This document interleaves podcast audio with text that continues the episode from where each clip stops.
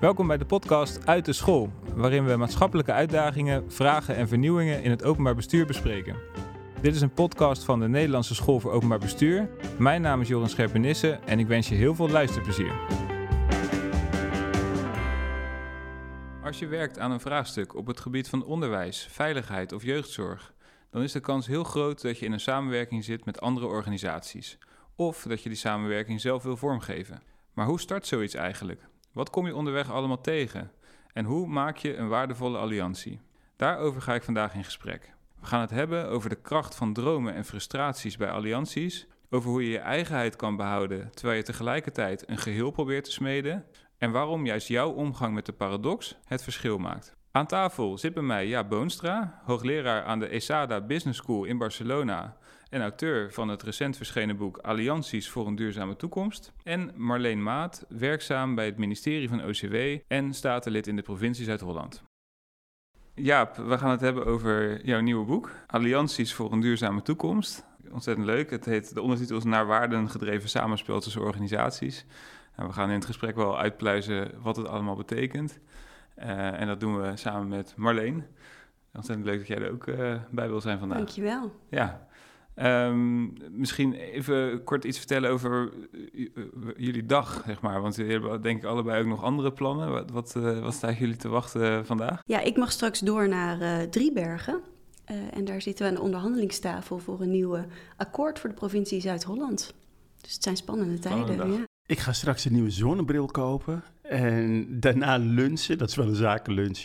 En vandaag heb ik vrij verder. Dus ik heb een hele relaxte dag vandaag. Heerlijk, heerlijk. Ja, ik heb een bruiloft van een collega, dus ik heb ook een hele relaxte dag. Dus, dus alleen Marleen, die heeft het nog heel spannend voor Contrastrijk geheel uh, bij elkaar, ja.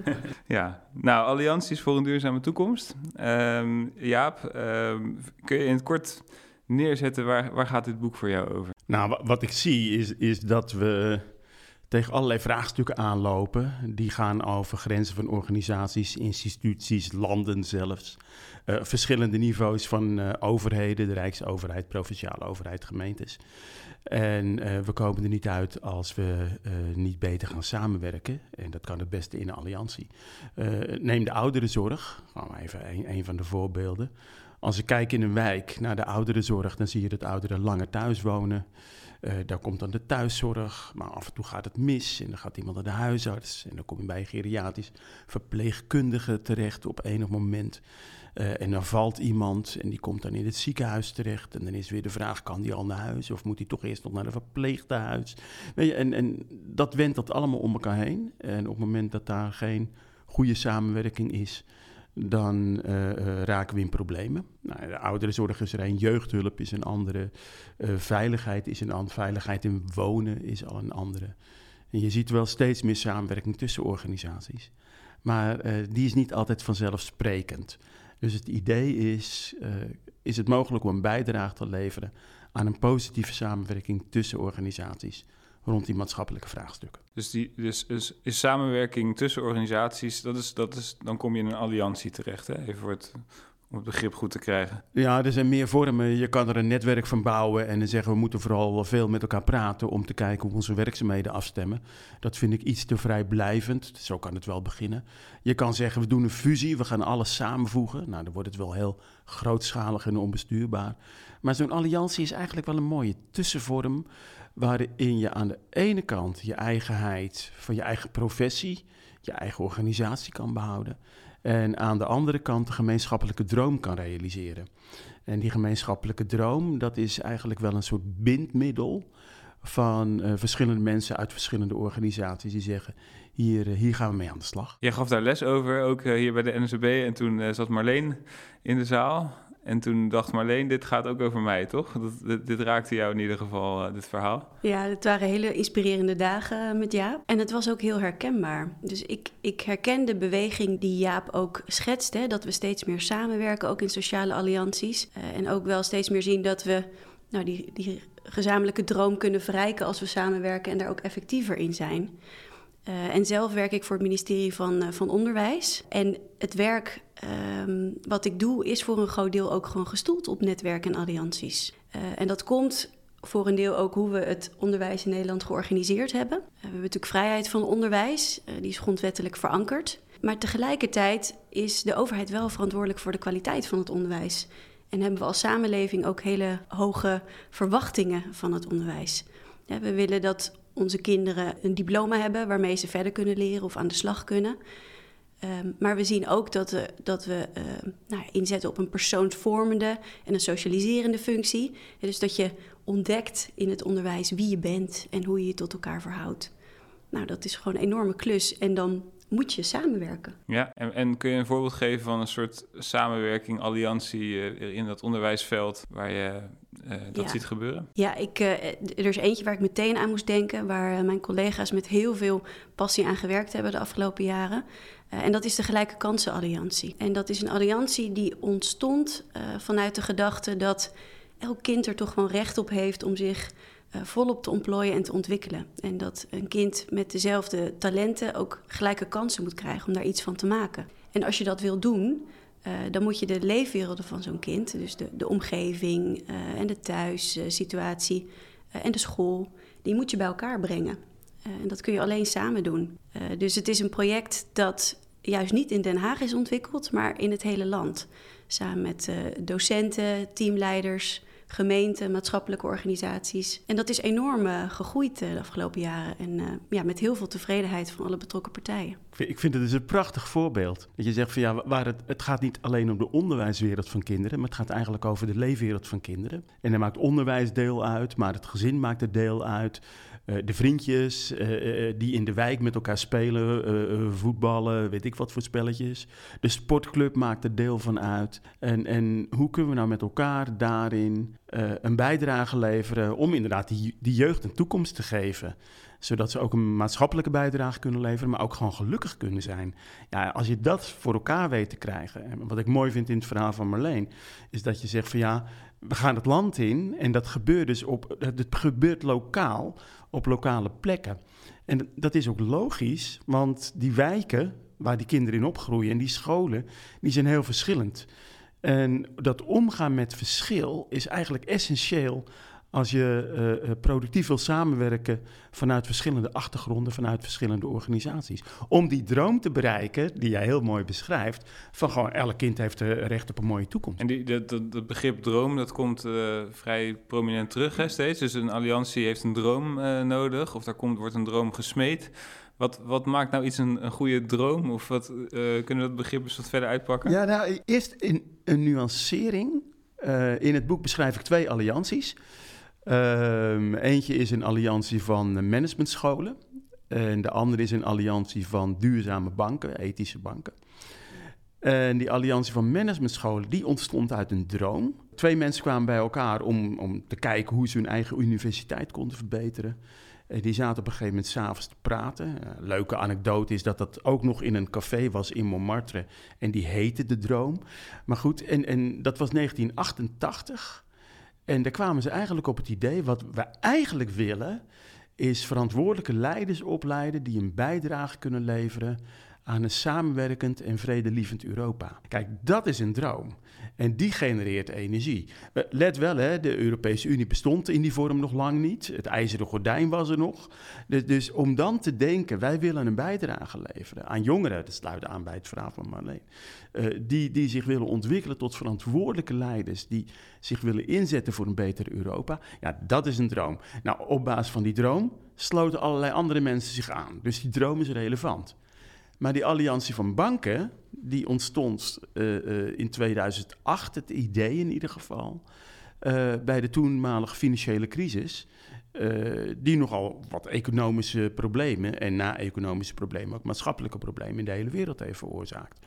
En toen kwamen bankdirecteuren bij elkaar, vier in dit geval, maar meer vanuit frustratie.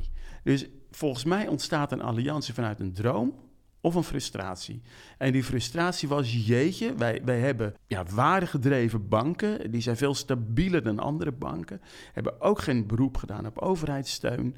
En, en we bestaan al een jaar en we moeten dat over het voetlicht brengen, want we willen voorkomen dat de wereld opnieuw in een financiële economische crisis raakt. Dus dat was de, ook, ook ja, het is echt stoelen drang zou je kunnen zeggen.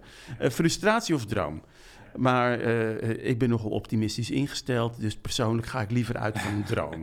Of jij maakt van die frustratie een droom Ja, dat is eigenlijk wat je doet. Toch, ja. We kunnen de wereld verbeteren. En, en, kijk, wat bij die Alliantie voor Banken wel heel interessant is. De eerste ambitie was, we gaan over het voetlicht brengen dat er een alternatief is.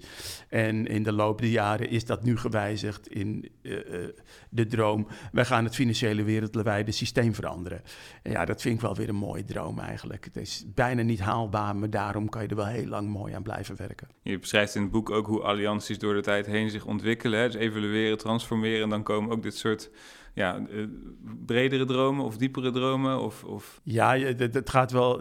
Het begint met een droom die wel haalbaar lijkt eigenlijk. En uh, ja, gaandeweg, met, naarmate zo'n alliantie groeit, uh, neemt ook het zelfvertrouwen toe. En wordt ook de droom groter. Ja, ik vind dat wel een mooie ontwikkeling, ja. En, en je ziet hem echt verbreden. Ja, um, ik ben net als Jaap ook wel belast met een grenzeloos optimisme. Dus ik denk ook altijd wel dat het goed komt en dat er vooruitgang uh, mogelijk is. Ook tegen de klippen op. Um, maar uh, ja, het werk bij het ministerie ademt toch niet altijd de sfeer van de café in Montmartre. En dat zou ik onszelf eigenlijk wel gunnen. Uh, dat we wat meer ruimte nemen om, om te dromen. ik zie wel dat we heel erg um, ons best doen als een, als een probleem zich voordoet, of is een maatschappelijk vraagstuk, dat we meteen op zoek gaan naar een oplossing. Um, en ook meteen bereid zijn tot samenwerking. Maar echt de ruimte nemen om te verkennen. Wat is die droom nou precies? Uh, hoe verbeelden we ons die? En wat zijn dan uh, de gezamenlijke waarden van waaruit we vertrekken? Dat helpt enorm als je, als je dat doet. want je weet misschien nog niet helemaal waar je waar je op uitkomt of waar je op oriënteert. Um, maar als je samen dat, dat kompas goed afstelt, uh, dan kun je echt een vliegende start maken. En als je dan even afwijkt van je koers, voel je het ook meteen uh, en kun je bijsturen. Ja, en bij, dat is interessant. Bij, bij OCW zie je dat gebeuren uh, rond onderwijs, omdat het ook een heel maatschappelijk actueel relevant thema is. Rond cultuur ook, denk ik. bij andere ministeries is het niet altijd mogelijk, misschien nog wel minder mogelijk om te dromen. En ja, naar mijn idee komt het ook om, omdat we toch heel vaak ook nog ons, de wereld naar onze hand willen zetten. -hmm. En, en dat komt een beetje zo van, ja, het moet, moet politiek beheersbaar zijn, de minister uit de wind houden. Het moet juridisch berekenbaar zijn en rechtschapen en rechtvaardig. En technisch controleerbaar. Dat zie je nu ook rond artificiële intelligentie. We willen echt dat technisch controleren en dan moet het politiek beheersbaar zijn en, en nou, juridisch berekenbaar. En dat, dat vind ik wel verlammend in uh, de broodnodige samenwerking uh, tussen organisaties om die maatschappelijke vraagstukken aan te pakken. Dus ik ben ook wel benieuwd van, van hoe, hoe zie jij die dubbele beweging aan de ene kant? We, we, willen dromen. Mensen die bij ministeries werken willen de wereld verbeteren over het algemeen. We willen dromen en tegelijkertijd heb je ook die drang van politieke beheersbaarheid, juridische berekenbaarheid en uh, technische controleerbaarheid. Hoe ga, jij, hoe ga je met die spanning om? Ja, leuke vraag. Ik herken natuurlijk wat je zegt, ook die, die toegenomen juridisering en beheersbaarheid. Um, toch alles vanuit een soort risicobeheersing inzetten. Um, maar voor mij heeft het iets heel dubbels, want uh, het recht heeft voor mij ook een grote schoonheid. Dus ik ben uh, mijn loopbaan bij de overheid begonnen als wetgevingsjurist via de Academie voor Wetgeving. En wat ik zo mooi vind aan het recht is dat het um, bepaalde waarden verankert. Het legt eigenlijk een heel mooi fundament voor hoe we willen samenleven met elkaar. Um, en het beschermt ons ook tegen een al te grillige waan van de dag. Het, het moet ons juist ook behoeden voor grote misstanden.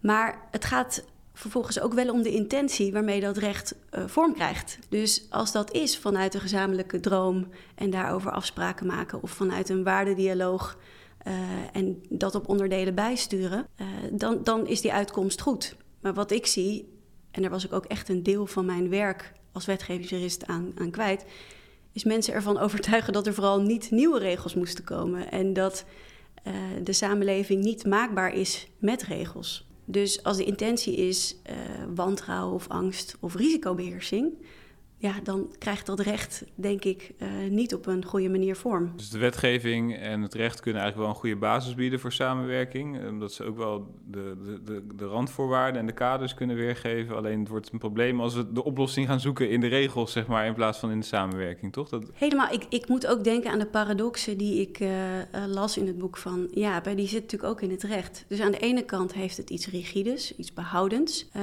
maar aan de andere kant is het recht ook wendbaar en kan het vooruitgang mogelijk maken. Um, maar dan inderdaad moet je wel goed bedenken waar die kaders dan voor bedoeld zijn. Want paradoxen is inderdaad een, een, een belangrijk thema in het boek. Hè? Dus we hebben het net gehad even over hoe ontstaat het. Hè? Hebben, ik heb even het romantische beeld van Montmartre nog steeds in mijn hoofd van het café. En er ontstaat een droom of, of uit een frustratie komt het voort. Maar goed, dan is er een alliantie of het groeit. Um, en dan kom je allerlei paradoxen tegen. Dat, gaat, dat, is niet, uh, dat is niet in één lijn vooruit allerlei waarden die tegenover elkaar komen te staan. En dit is er één, denk ik. Maar ik ja, ik vind dat Marleen een hele mooie paradox weergeeft. De paradox van het recht. Uh, uh, draagt het recht bij aan vooruitgang en, en, tegelijkertijd de stabiliteit. Dat is natuurlijk interessant. Dat, dat het, je geeft heel mooi weer. Recht geeft stabiliteit en, en rechtszekerheid. En draagt daarmee bij aan rechtvaardigheid. En kan zo ook bijdragen aan een robuuste toekomst. Aan de andere kant kan het recht ook heel behoudend zijn als je met nieuwe technologie aan de slag wil. Dus, dus die balans, nou, dat is al een mooie paradox. Ik, ik denk een van de mooiste opbrengsten uit het boek zijn, zijn twaalf paradoxen. Die we echt hebben gevonden door, door die twee allianties die ik noemde, diepgaand te bestuderen. En, en ja, eentje vind ik wel heel sterk. Vertrouw je nou in mensen of vertrouw je op systemen? Die zit natuurlijk ook tegen dat recht aan. Vertrouw je op het rechtssysteem waar je dingen, uh, afspraken moet verankeren? Of vertrouw je in mensen dat het wel, wel goed komt? En, uh, uh, nou, een heel actueel voorbeeld, het Integraal Zorgakkoord. Daar is 3 miljard voor vrijgemaakt voor transitiegelden. Daar zou je zeggen, nou, in die zorg is wel wat gaande. Daar hebben we ook vernieuwing nodig. Het staat de huisartsen tot aan de lippen. 3 miljard zou toch een mooi bedrag zijn om daar wat soelaas te bieden. Vervolgens hebben we dat zo ingewikkeld opgetuigd om daar subsidieaanvragen voor te maken dat uh, nu consultantsbureaus moeten worden ingeschakeld om subsidieaanvragen binnen dat integraal zorgakkoord te maken. Die verdienen daar veel geld aan. Ja, van subsidieaanvragen krijgen mensen niet gezonder. Dus dan denk ik, wat gaat daar nou mis? Nou, dat is dus volledig vertrouwen op systemen. En als je dan daar een groot systeem op optuigt, dan zie je daarna dat je ook veel ambtenaren nodig hebt om al die subsidieaanvragen te controleren. Terwijl ik denk, als je nou uitgaat van het vertrouwen in mensen, zou je dan ook dat geld kunnen geven in het vertrouwen dat daar vernieuwing uit ontstaat. En dat je dan de vernieuwing viert op het moment dat die ook relevant is voor anderen. Nou, dat is een paradox in het hier en nu. En wat maakt het, even nog even, wat maakt het een paradox? Want zoals die eindigt, klinkt het meer alsof je niet op systeem moet vertrouwen, maar op mensen. Ja, dat is een terechte vraag. Dan toch maar even terug naar de alliantie in het boek. Uh, uh, de alliantie van banken, Triodos Bank in Nederland is een van de 74 banken die er wereldwijd uh, in deelnemen. Ehm, dat, dat begint bij mensen. Die mensen vertrouwen elkaar, die zeggen ja, wij gaan iets ondernemen, wij gaan iets doen. Uh, die kennen elkaar, dus die hebben ook vertrouwen in elkaar en die gaan, gaan, gaan, gaan aan de slag. Op een gegeven moment gaat zo'n alliantie groeien. Want het is een aanlokkelijke droom. Mensen, meer mensen willen zich uh, daarbij aansluiten. Ja, dan moet je toch wel even met elkaar afspreken. Wat vinden nou wij eigenlijk dat, dat waardegedreven bankieren is? Wat zijn de criteria? Hoe kunnen we dat toetsen? Want als we iedereen toelaten, dan gaat het verwateren en dan raken we onze identiteit kwijt.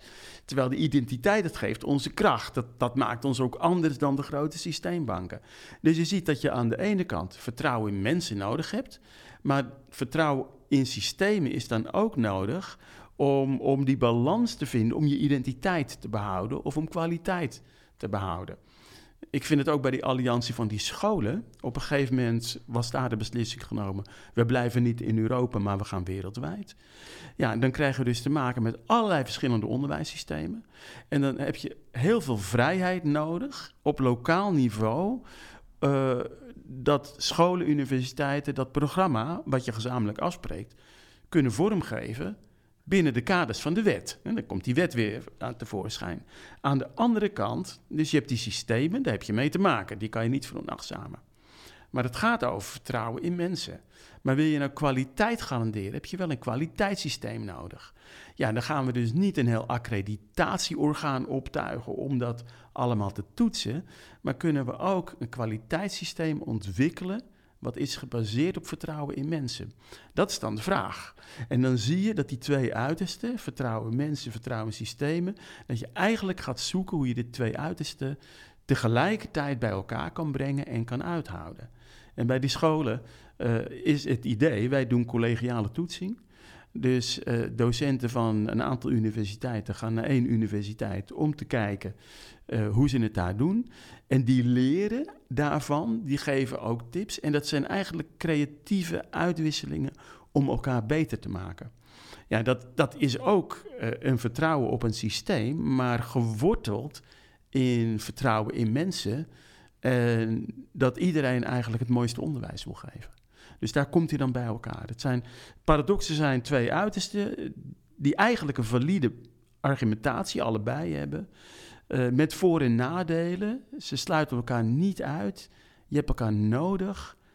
Maar ze creëren wel heel veel spanning. Ja. En de kunst is om die spanning uit te houden. Want de, als, als, we kijken naar jouw ervaring, Marleen, dat soort spanningen zeg maar, in, in allianties, herken je dat? dat? Dat je dat soort paradoxen tegenkomt? Zeker, ja. Op, op, op meerdere niveaus. Eigenlijk naar aanleiding van wat jij vertelt, Jaap, heb ik uh, ook nog wel een vraag aan jou. Want wat ik zelf als risico van alliantie zie, en die herken ik ook uit de onderwijswereld, um, is dat. Um, je toch ook wel ziet dat bepaalde stemmen luider klinken dan andere. Uh, maar dat die stem die misschien wat minder luid klinkt ook heel belangrijk is. En hoe voorkom je dat die in een alliantie niet ondergesneeuwd uh, raakt? Ja, dat is een mooie vraag. Wat ik zelf doe, is op zoek waar de vernieuwing plaatsvindt. En dat zijn over het algemeen mensen die ook een droom hebben, vaak, vaak professionals in het werk. Maar, en op basis van die droom ook aan de slag gaan met vernieuwing, maar dat niet per se direct aan de grote klok hangen, want als ze dat doen, is de kans dat het uh, onmogelijk wordt gemaakt tamelijk groot. Dus die gaan aan de regels lopen morrelen. Ja, dat vinden de regelbewakers, de regimespelers, niet zo leuk. Terwijl die niche-spelers, die, die aan vernieuwing werken ergens in de hoeken, ja, die willen graag die ruimte hebben. Dus wat ik persoonlijk doe, is op zoek naar de niche-spelers en die een stem geven en dat proberen uit te vergroten. Ook om daar gezamenlijk van te leren. En terwijl wat je in Nederland ziet is, ja, of het nou gaat over het stikstofakkoord of het landbouwakkoord of welk akkoord dan ook. Het zijn de regimespelers die aan tafel zitten, dat herken ik. Uh, die de status quo ook vaak in stand houden. Die praten voor hun achterbannen. Die kijken naar deelbelangen. Daar proberen we dan compromissen op te sluiten. Terwijl ja, ik verbind me liever met de niche-spelers die al lang aan natuurbeheersing en bescherming en landbouw werken. Ergens in, aan de randen van Natura 2000 gebieden, waar de mooiste dingen gebeuren. En, en, en het op zoek gaan daar waar de vernieuwing plaatsvindt, die mensen een stem geven. Uh, je niet te veel te laten beïnvloeden door de regimespelers die hun eigen risico's proberen te vermijden. Dat is de balans. Waarbij ik natuurlijk tegelijk, want dat is ook een paradox. Hè? Bedoel, uh, je kan je niet alleen verhouden tot de, tot de niche-spelers. Want die regimespelers die hebben wel een stem. En die beïnvloeden heel veel. En als ze ook niet als ze beïnvloeden, doen ze het via lobby's toch. Dus je hebt er wel mee te maken. Dus het gaat er om om beide werelden te kennen, je daarmee te verbinden, ze wellicht bij elkaar te brengen en op basis van de verhalen en de ervaringen dat uitvergroten. Dat is in ieder geval hoe ik het zelf doe. Is het vormen van allianties denk ik ook een heel uh, ja, uh, tijd, nou, tijdrovend wil ik niet zeggen, maar het kost tijd. Hè? Je, hebt, je hebt er tijd voor nodig, het is kwetsbaar. Uh, het kan op allerlei manieren, op allerlei momenten fout gaan. Um, heb je dan ook een soort ja, aanwijzingen voor wat, je, wat moet je daarvoor organiseren als je, als je een alliantie wil bouwen? Er zijn denk ik heel veel luisteraars die die bezig zijn met, um, uh, ja, ik, ik heb een droom of ik heb zie andere partijen met wie ik graag dit wil, wil organiseren. Maar ja, je, je, je, het kan natuurlijk op honderd manieren fout gaan. Dus heb je, wat, wat, hoe kijken jullie daarnaar? Van wat zijn de, de manieren om daarmee om te gaan? Misschien mag ik wel een persoonlijk uh, voorbeeld geven. Ik ben uh, uh, sinds de afgelopen Provinciale Statenverkiezingen ben ik statenlid voor de Partij van de Arbeid in Zuid-Holland. En zoals jullie weten zijn we natuurlijk bezig op landelijk niveau, maar ook in de provincie, om de samenwerking met GroenLinks vorm te geven. Dus er wordt eigenlijk een alliantie gesloten tussen de PvdA en GroenLinks. nou, daar zitten we middenin, dus het is een precaire context waar ik ook niet al te veel over kan zeggen. Maar vanuit mijn persoonlijke ervaring kan ik er misschien wel iets over, over delen. Het stemt mij heel hoopvol, zo'n uh, zo'n alliantievorming. En ik voel ook een uh, borrelend enthousiasme bij mezelf hierin. En tegelijkertijd voelde ik op een gegeven moment ook een bepaald ongemak. En ik kon dat niet meteen helemaal duiden. maar ik denk dat dat ook raakt aan wat Jaap zegt. Um, je hoopt als je in zo'n ontwikkeling zit, dat dat een soort lineaire ontwikkeling is. Uh, en dat je in een, in een voorspelbaar ritme komt. Uh, maar zo werkt het natuurlijk niet. Want je stuit op al die paradoxen en spanningen, uh, waar Jaap ook over schrijft in zijn boek. Um, en wat ik zelf denk is dat het kernwoord daarin vertrouwen is. dat je dat eerst moet creëren. Het is onze eerste neiging om dan maar meteen te proberen te formaliseren of, of dingen af te spreken als je je angstig voelt of um, onzeker. Um, maar het investeren in, in persoonlijke relaties en in het bouwen van vertrouwen door samen aan die droom te werken, dat maakt dat je denk ik weer een stap verder kan komen uh, in die ontwikkeling. Ja, prachtig voorbeeld. Interessant is dat dat vertrouwen, dat blijkt in alle levensstappen. het is dus geen lineair verhaal, daar kunnen we het zo nog over hebben. In alle levensstappen blijkt vertrouwen heel relevant. En het begint dus al, wat ik net noemde, vertrouwen in mensen of vertrouwen op systemen. Maar het is ook uh, vertrouwen in elkaar of vertrouwen in afspraken, vertrouwen in de relatie of vertrouwen op resultaten. En uh, uh, ja, wat, je, wat je vaak ziet in samenwerking is, we gaan een resultaat definiëren. En dat is natuurlijk ook relevant als je tot een coalitieakkoord wil komen. Dat is een soort resultaat. Maar het resultaat komt er nooit als je niet eerst investeert in de onderlinge relaties en het vertrouwen. En vanuit de relaties ontstaat een resultaat. Tegelijkertijd, als het resultaat uitblijft, zet dat natuurlijk heel veel druk op het onderling vertrouwen. En dan komt de vraag naar boven: kan ik jou wel vertrouwen? Dus, dus die spanning, vertrouwen en resultaat, uh, uh, vertrouwen en systemen, um, vertrouwen en voortgang, die zie je in al die fasen van die allianties naar boven komen. Maar vertrouwen is wel een kernpunt. En uh, ja, als je alleen maar focust op uh, het coalitieakkoord of het resultaat of uh, de inhoud, en dat is er dan ook zo één, zonder dat je investeert in de relaties, het elkaar leren kennen, het proces van samenwerken, dan zie je dat, dat de paradox naar één kant doorslaat. En ja, dan gaat die fout. Terwijl je beide kanten, ook hier beide kanten van die paradox nodig. En uh, nou, je gaf het al aan, samenwerking is geen lineair proces.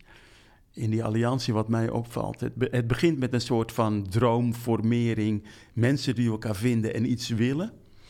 Uh, op basis van de droom trekt dat anderen aan. Ja, dan, dan, ontstaat er dus meer beweging, meer. Ja, dan is het toch wel, dan moet je ook wel dingen gaan organiseren. Hoe doen we hier de besluitvorming? Hoe doen we hier de machtsverdeling? Dus dat is toch de funderingsfase. Hoe funderen we het op goede wijze? Wat voor afspraken maken we over onderlinge samenwerking? Dus dan kan je niet alleen maar op vertrouwen gaan. Ja, en op een gegeven moment komt dan de vraag van uh, uh, wat is onze betekenis? Ik kan me dat zo voorstellen in Zuid-Holland. Wat is onze betekenis voor de bewoners, de bedrijven, de economie en de sociale cohesie in Zuid-Holland?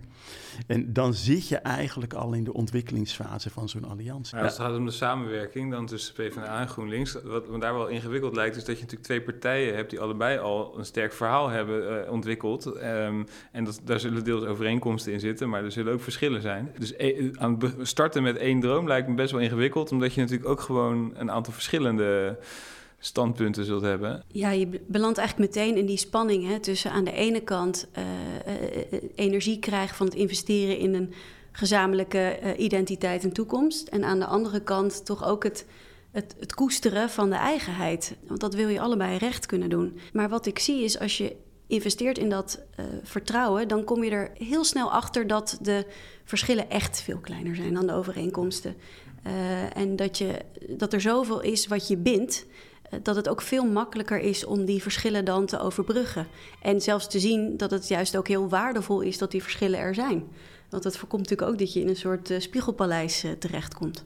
Ja, die, het koesteren van die eigenheid, kun je die nog even uitlichten? Ik vind het een interessante opmerking. Want je zou ook denken aan alliantie, daar ga je in op. Hè? Je, je, je verdwijnt erin als het ware, maar dat is... Ja, ik dat lijkt me toch een... Uh, uh, nou, ik denk dat het een klassieke denkfout is uh, om, om, om dat streven te hebben. Om je vast te klinken aan een eindplaatje waarbij je alle eigenheid eigenlijk verloren is gegaan. Ik denk dat die eigenheid juist ook de kracht is van zo'n alliantie.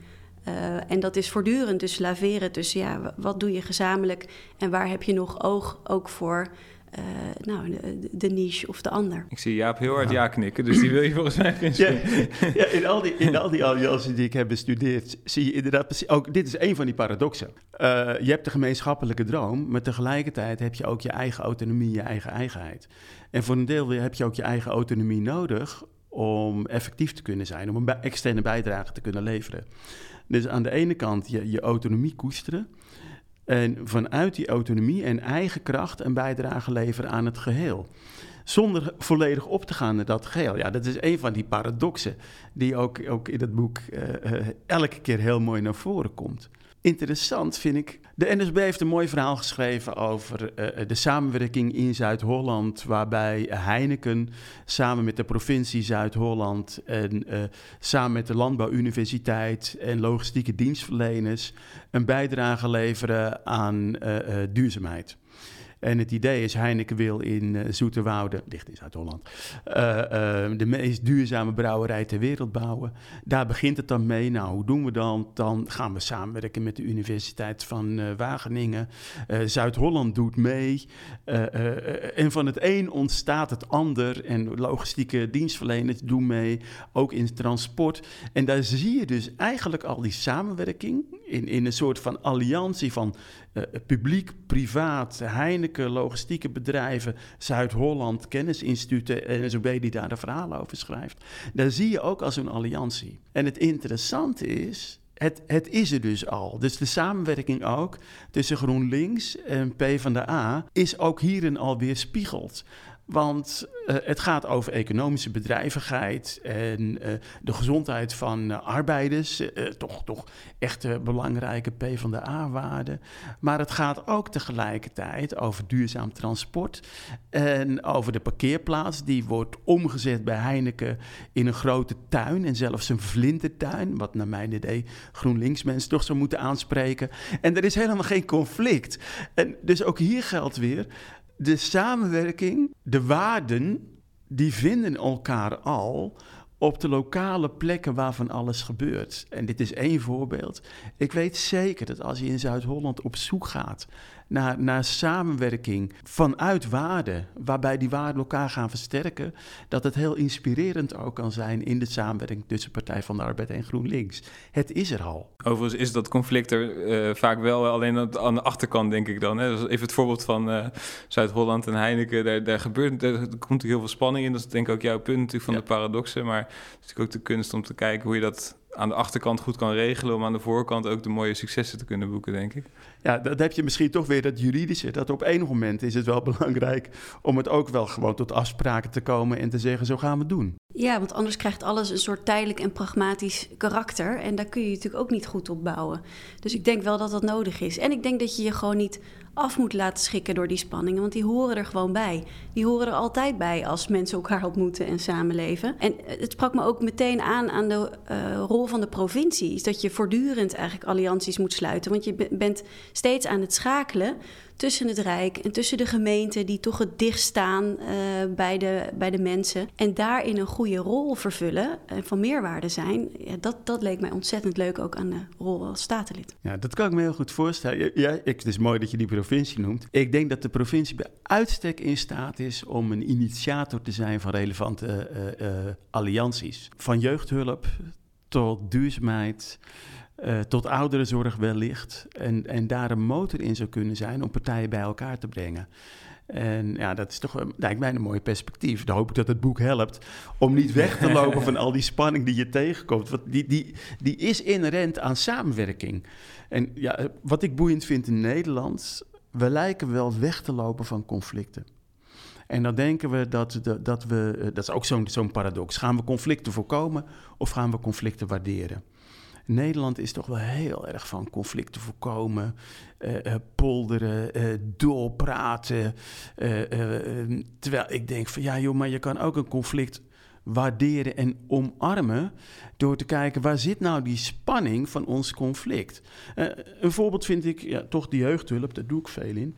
In Amsterdam was het briljante idee ontstaan bij de gemeente om jeugdhulp en jeugdgezondheidszorg bij elkaar te brengen. De gedachte was, uh, de jeugdverpleegkundigen zien kinderen al heel jong, eh, na drie maanden en dan nog eens een keer na zes maanden. En die kunnen dan eerder preventief signaleren wanneer er een risico in een gezin is. Nou, daar kan je van alles van vinden, maar dan kunnen we er eerder bij zijn en dat is preventief. Dat was de gedachte. Wat er vervolgens gebeurde was, er werden lokale wijkteams gemaakt waar jeugdhulp en jeugdgezondheidszorg bij elkaar werd gezet. Nou, dat moest allemaal maar vanzelf gaan. Hè? En, en, en uh, natuurlijk, als het gaat over hulpverleners, die willen graag samenwerken en zo.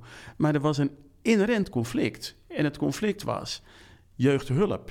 Dat gaat over omsluiten jeugdgezondheidszorg gaat over uitsluiten. Het uitsluiten van vraagstukken gezondheidsproblemen. Daar zit dus een inherent uh, conflict in, in de professionele habitus. Gaan we die nu ontkennen en eromheen lopen en met mooie woorden zeggen: gij zult en gij moet samenwerken? Of zeggen we nee, de samenwerking is hier ingewikkeld, er is een inherent conflict. En het heeft hele duidelijke uh, achtergronden. Laten we dat conflict eens even uitdiepen om te kijken hoe we onze samenwerking kunnen verdiepen met behoud van eigenheid. Nou, dit is weer zo'n voorbeeld. Natuurlijk alleen maar conflicten vergroten en waarderen, dat werkt niet. Het gaat ook om, om conflicten te voorkomen. Nou, dan even een tip wellicht naar de samenwerking in de provincie, om het heel concreet te maken. Ik zou conflicten over machtsverdeling, wie heeft het hier voor het zeggen, die zou ik proberen te voorkomen door er in vroeg stadium uh, uh, goede afspraken over te maken. Ik zou conflicten over de verdeling van geld ook proberen te voorkomen. Want dan krijg je gewoon ruzie over en het geeft altijd gedoe. En daar kan je ook afspraken over maken aan de voorkant. Maar conflicten over waarden, die zou ik omarmen. En daar zou ik op zoek gaan naar wat, wat zijn dan de verschillen? En hoe zouden we die verschillen kunnen overbruggen met het belang van uh, sociaal-economisch en ecologisch welzijn in de provincie? Dus ja, uh, conflicten voorkomen als het gaat over macht en geld en conflicten waarderen als het gaat over maatschappelijke betekenis en onderliggende waarden. Dat kan alleen maar verrijkend zijn. Daarmee gaan we uh, dit gesprek ook tot een einde brengen. Volgens mij geef jij al een hele uh, spannende boodschap mee aan Marleen. Jij gaat zo meteen verder in, gesprek over de formatie in Zuid-Holland. Is dit, uh, ga je het conflict opzoeken zo meteen? Is dat, nou, dit is, dit is zeker behulpzaam ik, ik denk dat ik, um, waar me dit ook wel aan doet denken, is dat het ongelooflijk belangrijk is om je bewust te zijn van je eigen waardesysteem dat je meebrengt. Um, hè, voor mij geldt bijvoorbeeld dat um, ik heel sterk geloof in solidariteit en rechtvaardigheid dat dat van essentieel belang is voor een samenleving. Maar voor een ander kan dat uh, individuele vrijheid uh, of het behoud van de natuur zijn. Dus als ik me er bewust van ben hoe mijn overtuigingen ook mijn werk en mijn rolopvatting kleuren. Uh, dan voorkom ik dat ik ermee samenval. En uh, dan zorg ik er hopelijk ook voor dat ik open blijf staan voor andere en misschien wel hele verrassende perspectieven. Heel mooi. Kunnen we ook solidair zijn met de natuur? Hè? Dan, heb je, dan verbind je hem eigenlijk al meteen. Uh, en dan gaat hij vanuit solidariteit naar, naar natuur en naar mensen. En die komen dan bij elkaar. Ja, en, da, en dan gaat hij vliegen, daar ben ik van overtuigd. Daar hopen we op. Uh, hartelijk dank uh, voor jullie deelname aan dit gesprek. Heel fijn. Dankjewel. Je luisterde naar een podcast van de Nederlandse School voor Openbaar Bestuur. Wij publiceren regelmatig over maatschappelijke vraagstukken en vernieuwingen binnen de overheid. Benieuwd naar meer van ons werk of onze opleidingen? Kijk dan op onze website, volg ons op LinkedIn of abonneer je op de nieuwsbrief. En blijf natuurlijk luisteren naar Uit de School.